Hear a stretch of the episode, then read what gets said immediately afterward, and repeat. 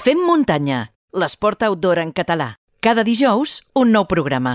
El passat diumenge 13 de juny es va disputar la 14a edició de l'Olla de Núria al Santuari de Núria. Igual que l'any 2019, la vam poder disfrutar des de casa i en directe a través de TV3. Al Fem Muntanya volem saber com es porta a terme una retransmissió d'aquestes característiques i en la que durant més de 4 hores vam gaudir d'una competició del nivell de curses per muntanya.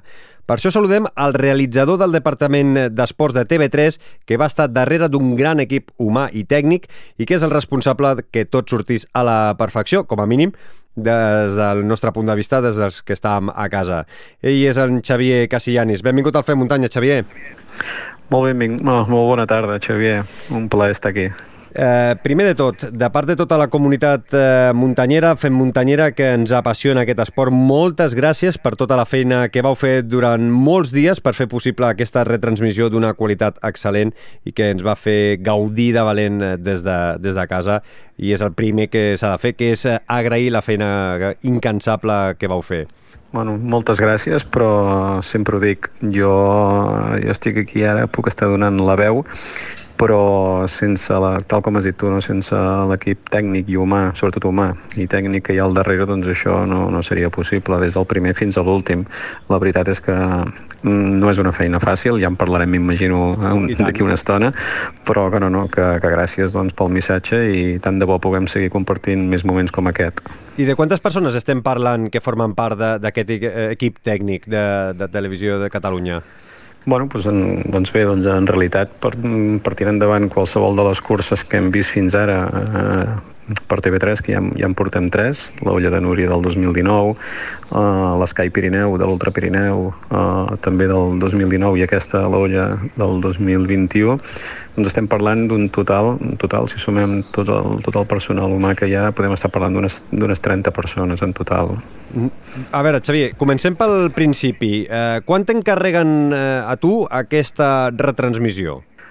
Bé, no, la veritat és que no, no mai me la van encarregar. Eh, això va ser una idea meva que, que ja feia anys que anava al darrere perquè els meus inicis van ser, doncs, eren, van ser d'operador de càmera i, i seguint, seguint doncs, curses de muntanya a l'època quan encara el Kilian no, no era conegut com, el, eh, com, com ara. No? En aquell moment doncs, hi havia l'època de l'Agustí Roc uh -huh. i d'altres corredors i estem parlant de l'any 2005-2006 que bé, doncs, jo era un operador de càmera que anava seguint les curses anava gravant eh, i, i bé, i, i recordo que en aquell moment ja pensava, dic, tant de bo algun dia es pogués portar a la pantalla doncs, la retransmissió d'una cursa de muntanya en directe per televisió, no? I llavors, bueno, ens va ser començar a pensar com es podia fer, els mitjans eh, que feien falta, eh, escollir alguna de les curses, quina, per quina cursa podríem començar, i bé, doncs el 2017 vaig començar a barrinar amb tot això i, i ajudar-me i demanar consell a una sèrie de persones que, que també han estat clau en, en tot això. I quan ho vaig tenir doncs, clar, llavors sí, llavors vaig fer una proposta, vaig anar al cap del Departament d'Esports, en aquell moment era el Bernat Soler, Uh -huh. i li vaig fer la proposta i res, la proposta va ser benvinguda, va ser acceptada i, i bé, i gràcies a tot això doncs el, el, aquell 9 de juny del 2019 que no, no oblidaré mai vam poder fer la primera retransmissió en directe d'una cursa de muntanya per televisió. Ha canviat molt eh, des del teu punt de vista? Potser nosaltres des de, com a espectadors sí que podem veure alguna coseta que ha canviat des d'aquell 2019 fins a aquest any 2021, però des del teu punt de vista hi ha hagut molts canvis eh, en quant a la feina que, que t'ha tocat fer? Mm, no, la veritat és que no. La veritat és que també era, era la, la primera retransmissió que fèiem aquell, aquell juny del 2019, doncs era, era, un, bueno, era la primera cursa que, que es portava a terme. Per tots era doncs, també una incògnita, hi havia moltes incògnites, per molt que puguis tenir controlat doncs, a, amb els mitjans que ho faràs i com s'enviaran les senyals des de, des de dalt, des d'alçada des fins, fins a la base, doncs no, ho podies tenir més o menys controlat, però també tampoc sabíem exactament l'acceptació que tindria, no? I evidentment tot passa perquè hi hagi uns bons resultats, perquè les audiències doncs, és el que al cap i a la fi tothom es mira i tothom està pendent de les audiències i de la resposta que pot tenir, no?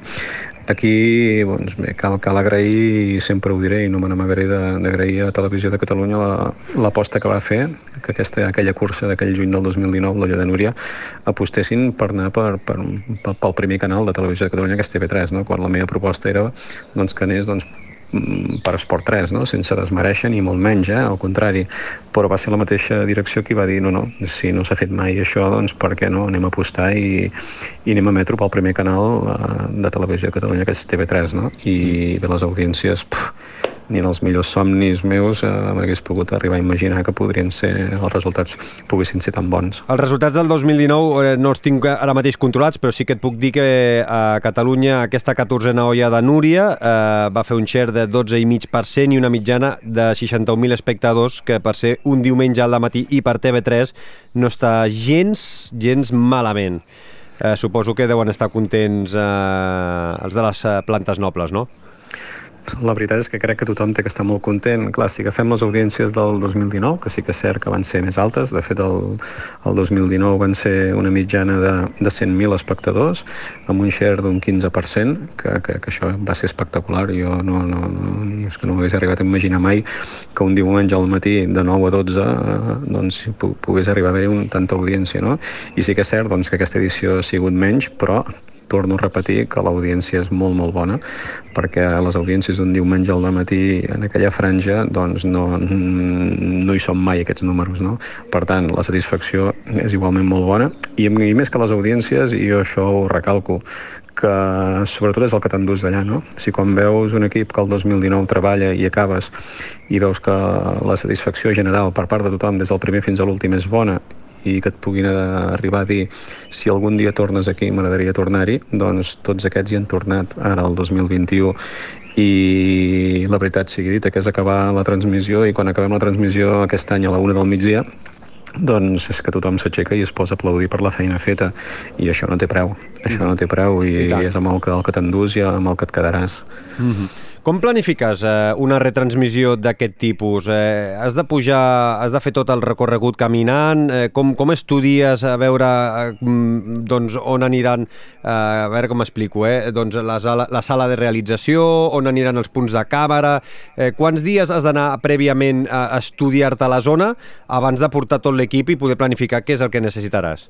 Si tirem enrere i parlem del 2019, del, de la primera transmissió que vam fer, que va ser l'olla de Núria, mm, jo vaig escollir, molta gent m'ha preguntat per què vaig escollir l'olla, l'olla no vaig escollir una de les tantes moltes que tenim en aquest país, no? i la veritat és que vaig escollir, escollir l'olla de Núria perquè, doncs bé, hi havia una sèrie de factors que, que, que jugaven a favor, un territori, bueno, una zona que conec, conec molt, una zona que que a nivell, a nivell de cursa és una cursa circular, amb punt i arribada al mateix punt, eh, una cursa on doncs, tot el que sigui la facilitat a l'hora de, de poder fer arribar les senyals de cada una de les càmeres que estan, que estan en alçada doncs és relativament fàcil que puguin arribar doncs, al Pla de Sant Gil, a la base, al santuari i una cursa de 20 quilòmetres, que això és important, aquí estem parlant de durades, i és, un, és, un, és una cosa que s'ha de tenir en compte perquè estem parlant de televisió eh, i també, bueno, a mesura que anem fent curses, doncs les durades són importants, no? no televisivament, o sigui, una, una retransmissió per televisió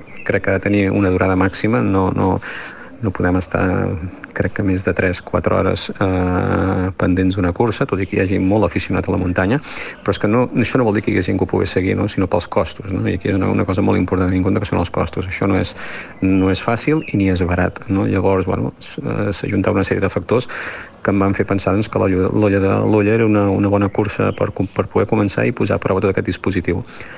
Uh, com es comença? Doncs bé, una vegada tens, ja tens estudiat el terreny, doncs dius, bueno, doncs, aquí anem a posar, independentment dels càmeres que tinguem a la base, el que és el santuari, doncs bé, la cursa l'Ulla de Núria són 21 quilòmetres, Puigmal és quilòmetre 5, Finestrelles és quilòmetre, quilòmetre 10, Nou Fons és quilòmetre 15 i l'arribada és quilòmetre 20-21. Llavors bé, doncs aquests punts equidistants doncs va ser la meva primera idea de posar un càmera a cada un d'aquests tres punts.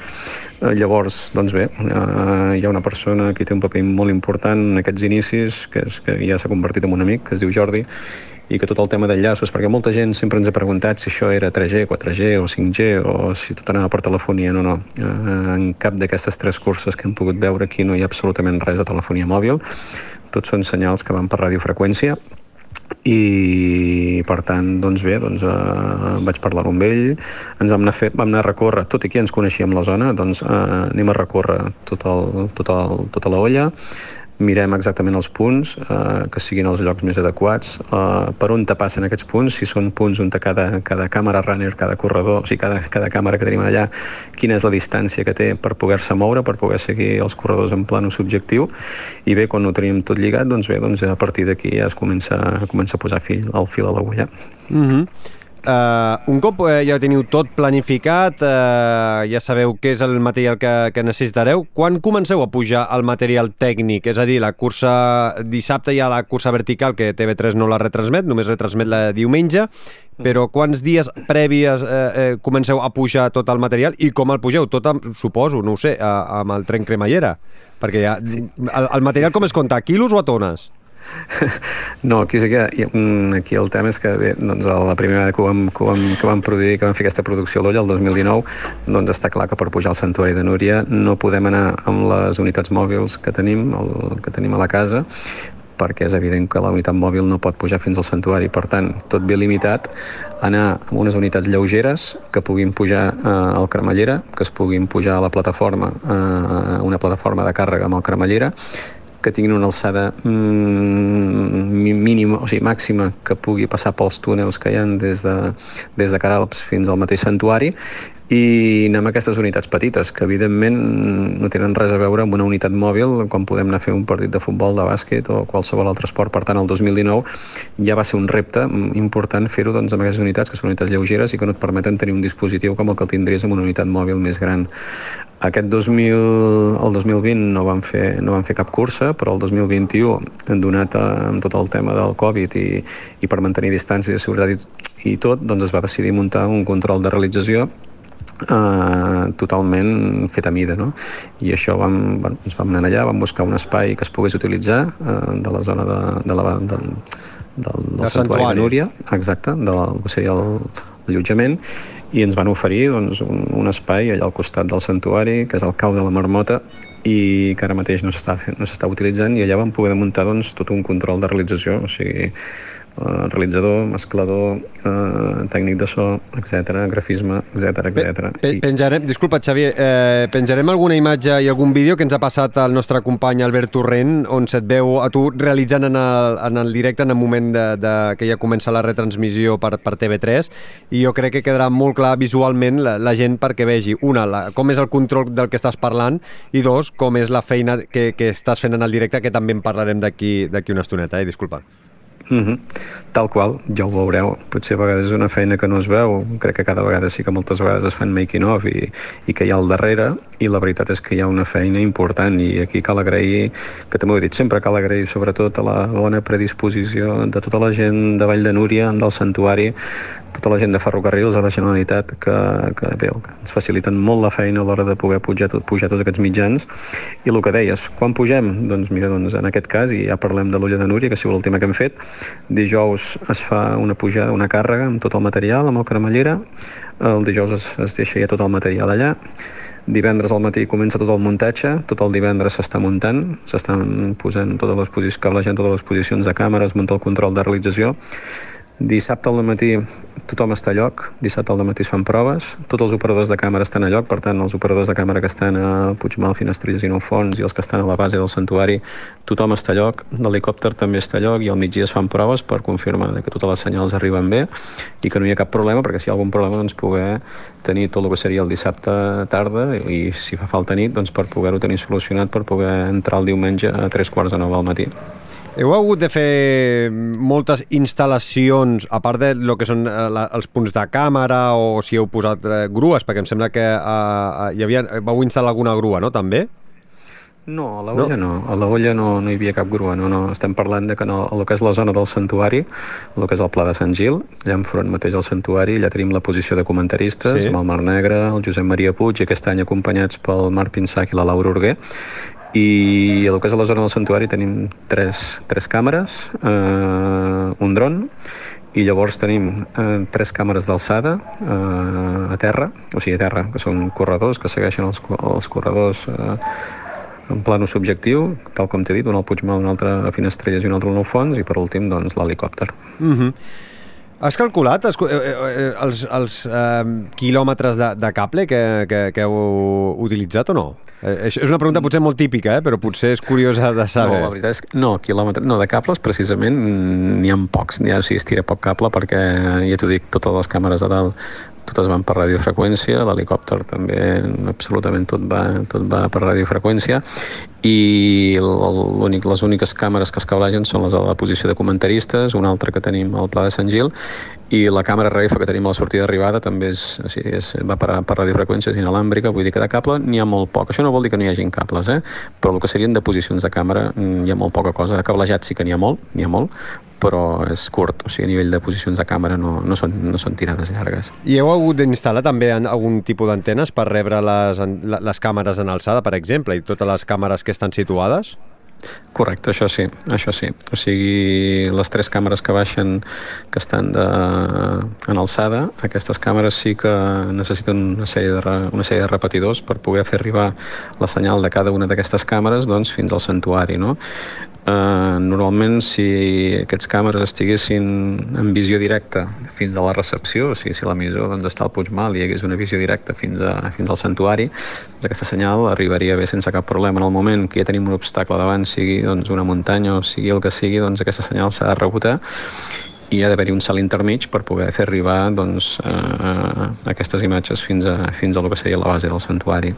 Facilita o, o, o, o fa més difícil que hi hagi algun helicòpter eh, com, com a càmera aèrea?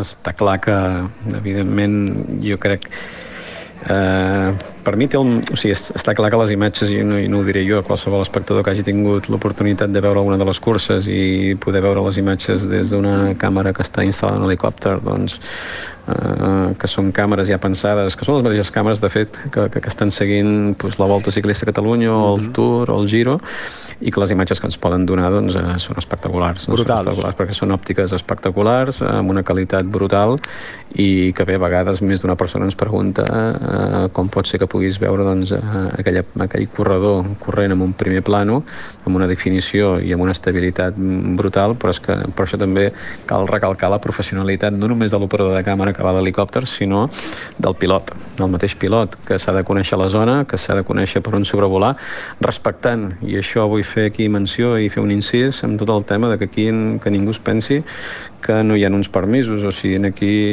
qualsevol, qualsevol cursa que estem fent s'ha de presentar una sol·licitud, fer un pla de vol on te rodarem i a partir d'aquí surt una sol·licitud que s'envia al Departament de Medi Ambient de la Generalitat de Catalunya en la qual doncs, s'aprova o no s'aprova doncs, el recorregut que nosaltres volem fer. I, i es pacten i doncs, es eh, senyeixen a unes alçades de vol, a unes distàncies, etc i que s'han de respectar en, en tot moment perquè si no es poden sancionar. Mm -hmm. És espectacular. Les imatges, eh, com dius, eh, com, com crestegen eh, tota l'olla de Núria eh, desenfocat una mica a la part del fons, eh, ve, ve, veure els corredors com baixen és, és, és increïble.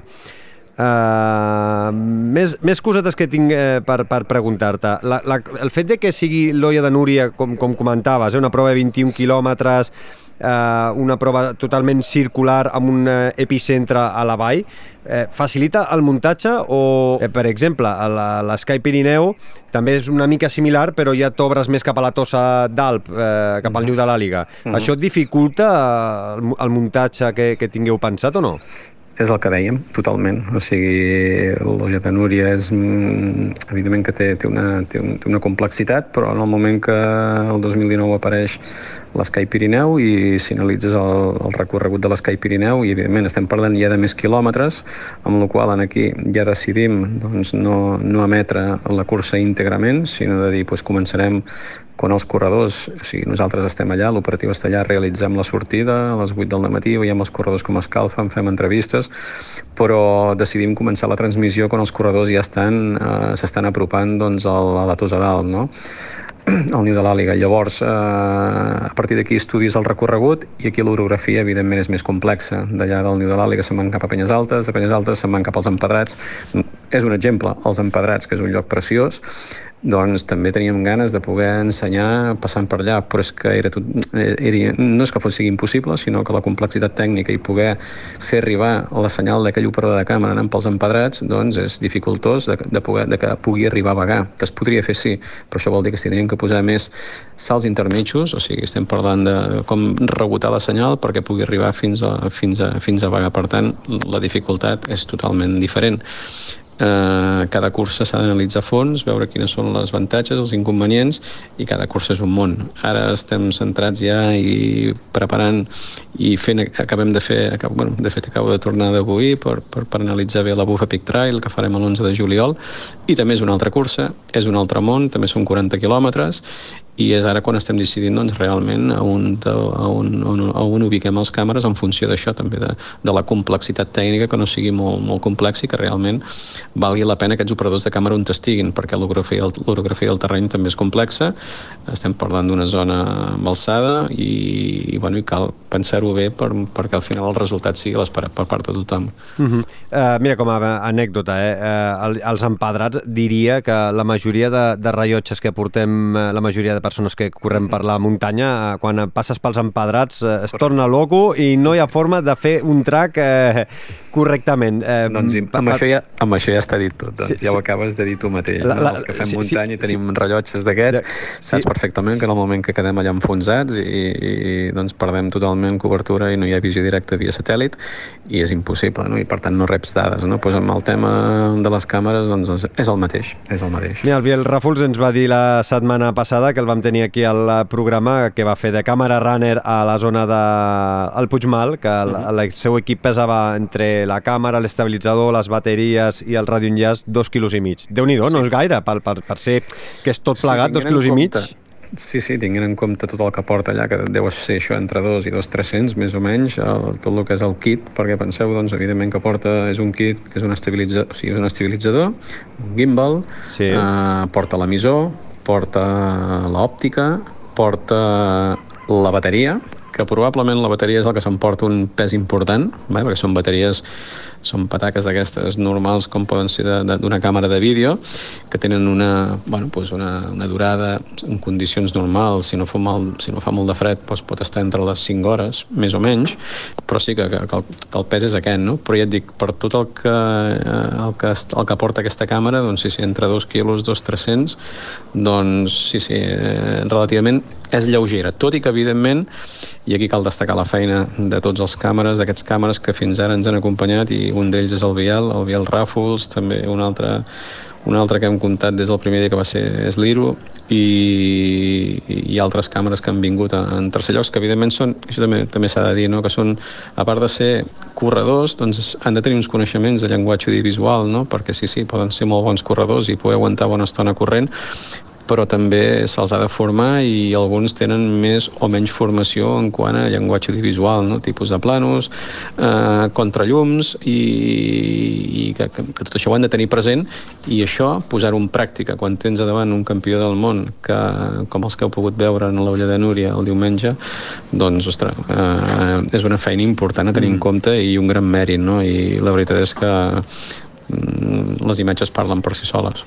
Uh, comença, són tres quarts de nou, comença la, el directe per TV3. Eh, on està Xavier Cassianis en aquest moment i quina és la seva feina un cop ja està tot muntat, s'ha engegat? Eh, què, què et toca fer? Això és un equip. Jo una cosa que sempre dic, que això és un equip, això és com, imagino com un quiròfan, no? Que tothom té, tothom té la, seva, la, seva, la seva feina.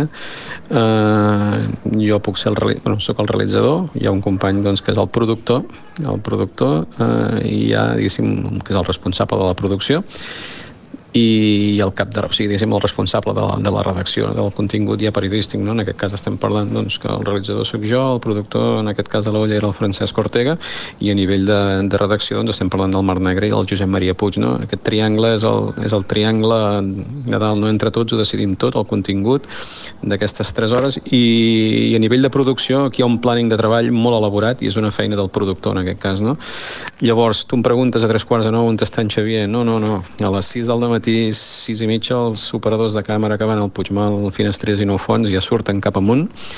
A les 8 tothom té que estar a lloc, o sigui a les 8, que en aquest cas a les 7 i mitja tothom ja estava allò, que vol dir? Pues, que les càmeres estan al Puigmal, a Finestrelles, estan en el fons, tots els càmeres de baix estan preparats, l'operador de dron també, i a les 8 en punt, a les 8.00 tothom estava a punt, això vol dir que 45 minuts, que normalment és una hora, 45 minuts, una hora abans, tothom està a lloc, des del tècnic de so fins l'operador de càmera que està al Puigmal per comprovar que tot arriba bé, que les senyals arriben bé, perquè quan es, quan es va per TV3 si et diuen que entres a les 8.45.00, entres a les 8.45.00. Per tant, tres quarts d'hora, una hora abans, tothom està sentat al seu lloc.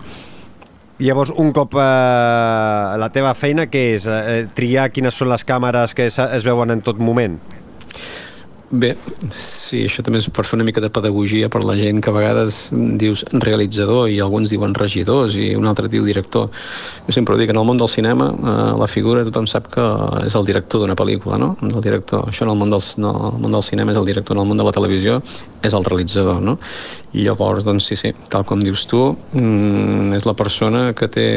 Aquí hi ha una escaleta davant, una escaleta, hi ha un guió que s'ha preestablert, el que seria l'inici, de tres quarts de nou fins a les nou, i també hi ha una escaleta durant aquestes dues, tres o quatre hores de transmissió, no? que independentment d'estar seguint la cursa, que aquesta és la meva feina, en realitat, en el moment que es dona el tret de sortida, eh, sí, sí, jo decideixo, jo parlo amb els càmeres, els hi vaig dient, mm, tothom em sent, des del càmera que està al Puigmal fins a l'operador de càmera que està a l'helicòpter, i seleccionar càmeres que són, si tens 8 o 9 càmeres, doncs seleccionar quina d'elles és la que veureu a casa això ho podria fer tothom, no? però hi ha una cosa que és el que sempre diem, és la lectura de partit, la lectura del que està passant a la muntanya. No?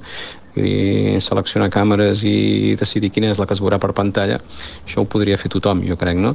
Hi ha un, hi ha un altre tema que és què està passant allà, no? I llegir què està passant, no? Pues qui, qui en aquell moment va davant, qui està al capdavant de la cursa, quines distàncies hi ha entre el primer, el segon el tercer, eh, on està la primera fèmina, distàncies, intentar tenir-ho controlat, avisar els càmeres que més o menys ells ja saben el, te el temps que poden tardar doncs, en arribar dalt el primer el primer masculí i la primera fèmina i, i bé, i anar, doncs, anar realitzant i anar-li donant un ritme audiovisual a tot això perquè el que estigui a casa pugui gaudir no? i, i és estar-li demanant planos a l'operador que està a l'helicòpter i demanant-los els planos a qualsevol dels càmeres que estan allà, tant al Pla de Sant Gil com, a, com els càmeres en alçada. Mm -hmm. Uh, aquesta senyal com l'envieu des del Santuari de Núria fins a Sant Joan d'Espí, als estudis centrals? Pues aquí sí, aquí sí que hi ha una, és una furgoneta que és una transportable i des d'aquí aquesta senyal surt via satèl·lit i de, cap, al, cap al satèl·lit i de satèl·lit cap a Sant Joan d'Espí. I de Sant Joan d'Espí cap, a, cap al món. Mm, I saps per quants països diferents s'ha pogut gaudir de l'Oia Núria? Perquè, clar, l'hem vist aquí a TV3, també ho vam poder seguir a través de, de la web de Golden Trail Series, eh, que vau doncs, eh, cedir el, el, els drets, però eh, heu, teniu controlats a quants països eh, s'ha pogut veure en, en directe? Uh, a nivell d'audiències televisives els tenim controlades perquè això apareix el dia següent, al cap de 24 hores.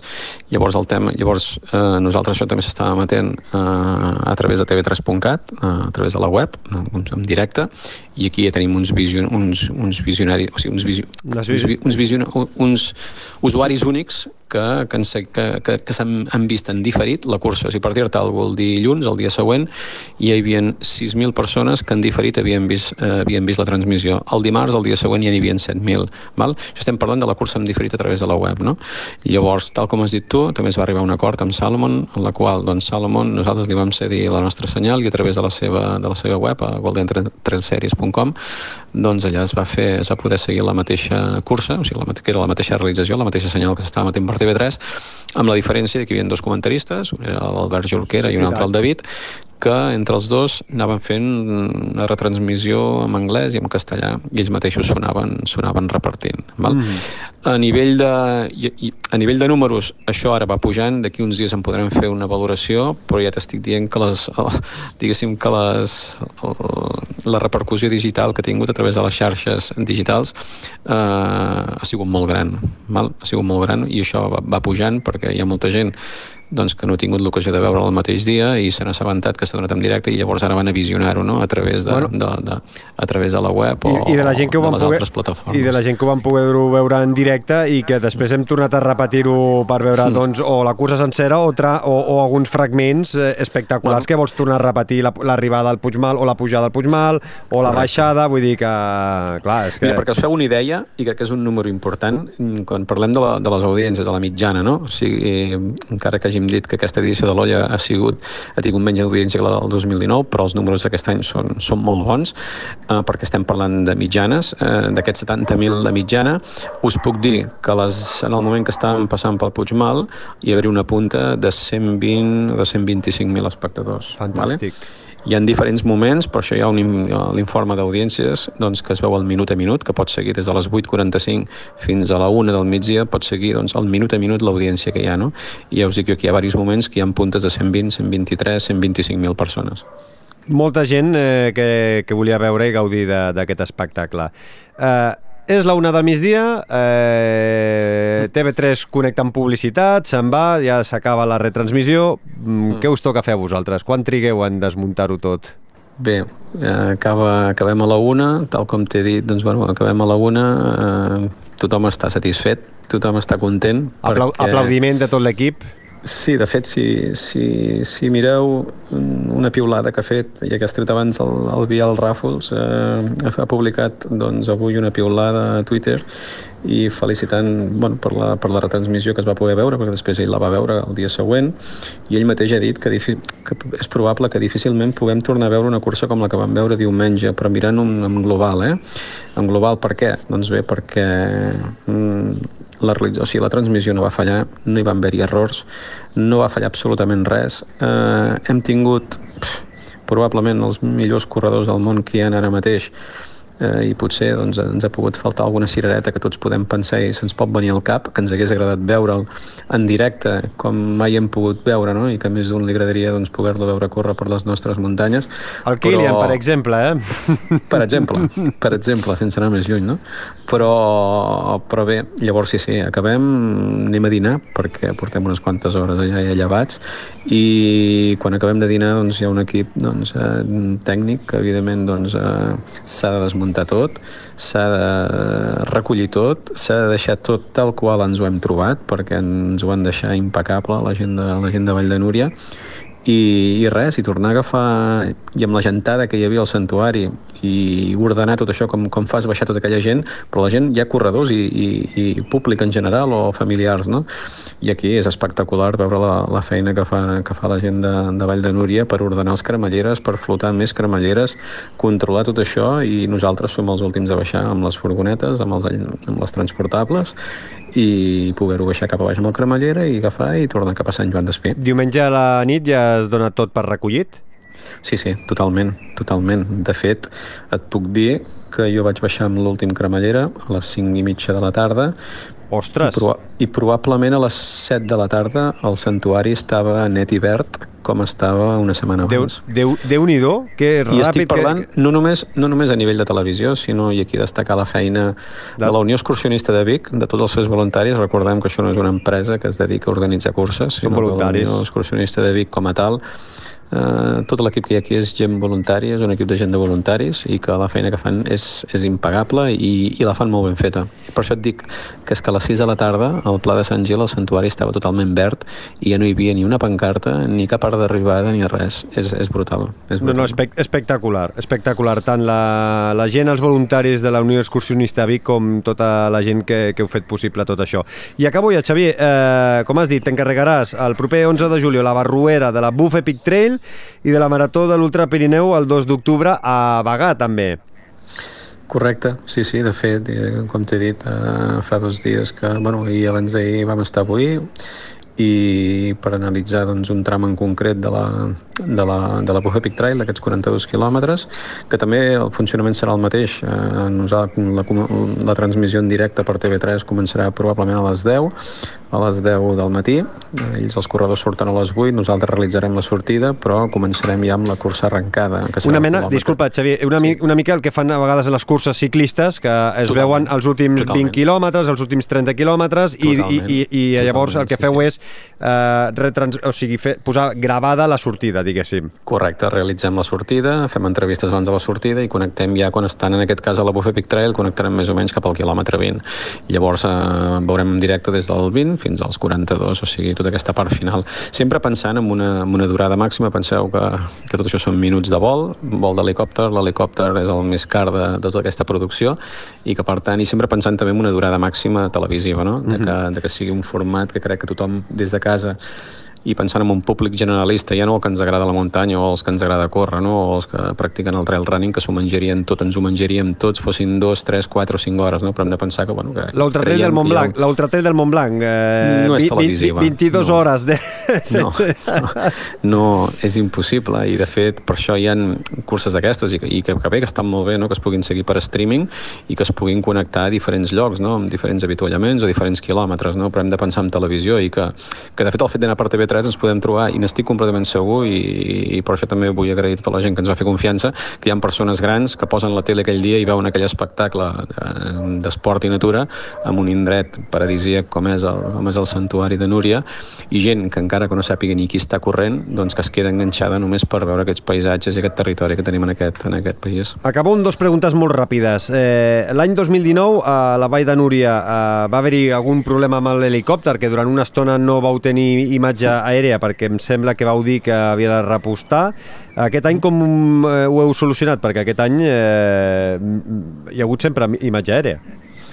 Bé, és el que dèiem, no? A mesura que anem fent curses hi ha coses que s'han d'anar polint, s'han d'anar treballant i si és cert, doncs, si el 2019 vam estar quasi mitja hora sense poder de, disposar d'helicòpter, doncs perquè, evidentment, i, i abans que res, doncs, eh, ja, és, ja s'ha de prioritzar, primer de tot, la seguretat eh, de tothom i de, de, de, de, de l'helicòpter i, i de tot. No? Penseu que eh, aquests aparells tenen un, un temps màxim de vol, llavors s'ha de calcular bé aquest temps de vol, eh, estan volant en alçada, estan volant a, a 3.000 o més de 3.000 metres d'alçada, eh, aquí hi ha un consum, s'ha de tenir ben calculat tot això, i bé, en el 2019 aquest helicòpter estava estacionat en un lloc i aquest 2021 doncs, hem intentat que l'helicòpter pogués estar estacionat i al mateix santuari. No?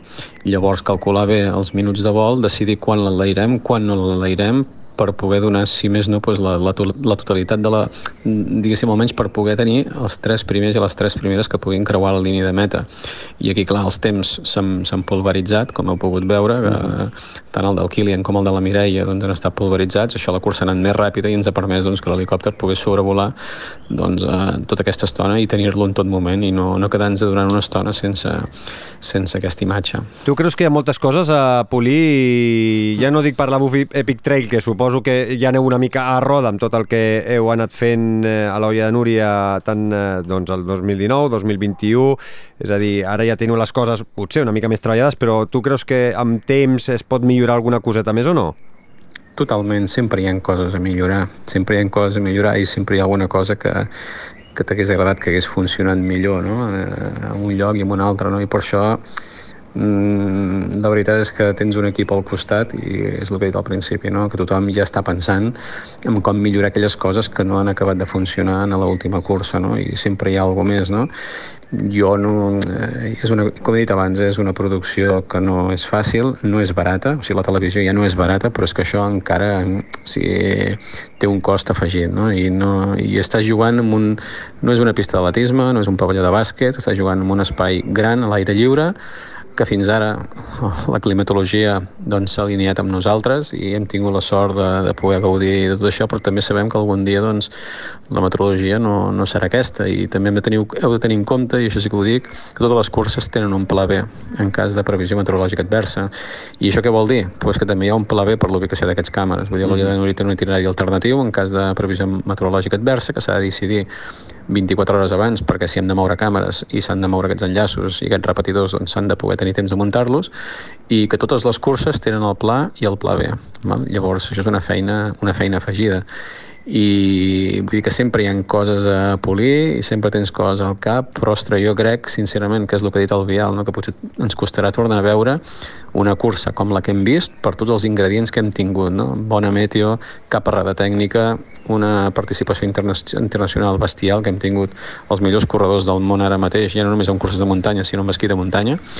Però bé, que seguirem endavant i tant de bo uh, jo crec que tenim un país que, que, bueno, que, que té molt de joc i crec que podrem fer moltes produccions no? i a més el fet de que, de que a la casa hi segueixi confiant no?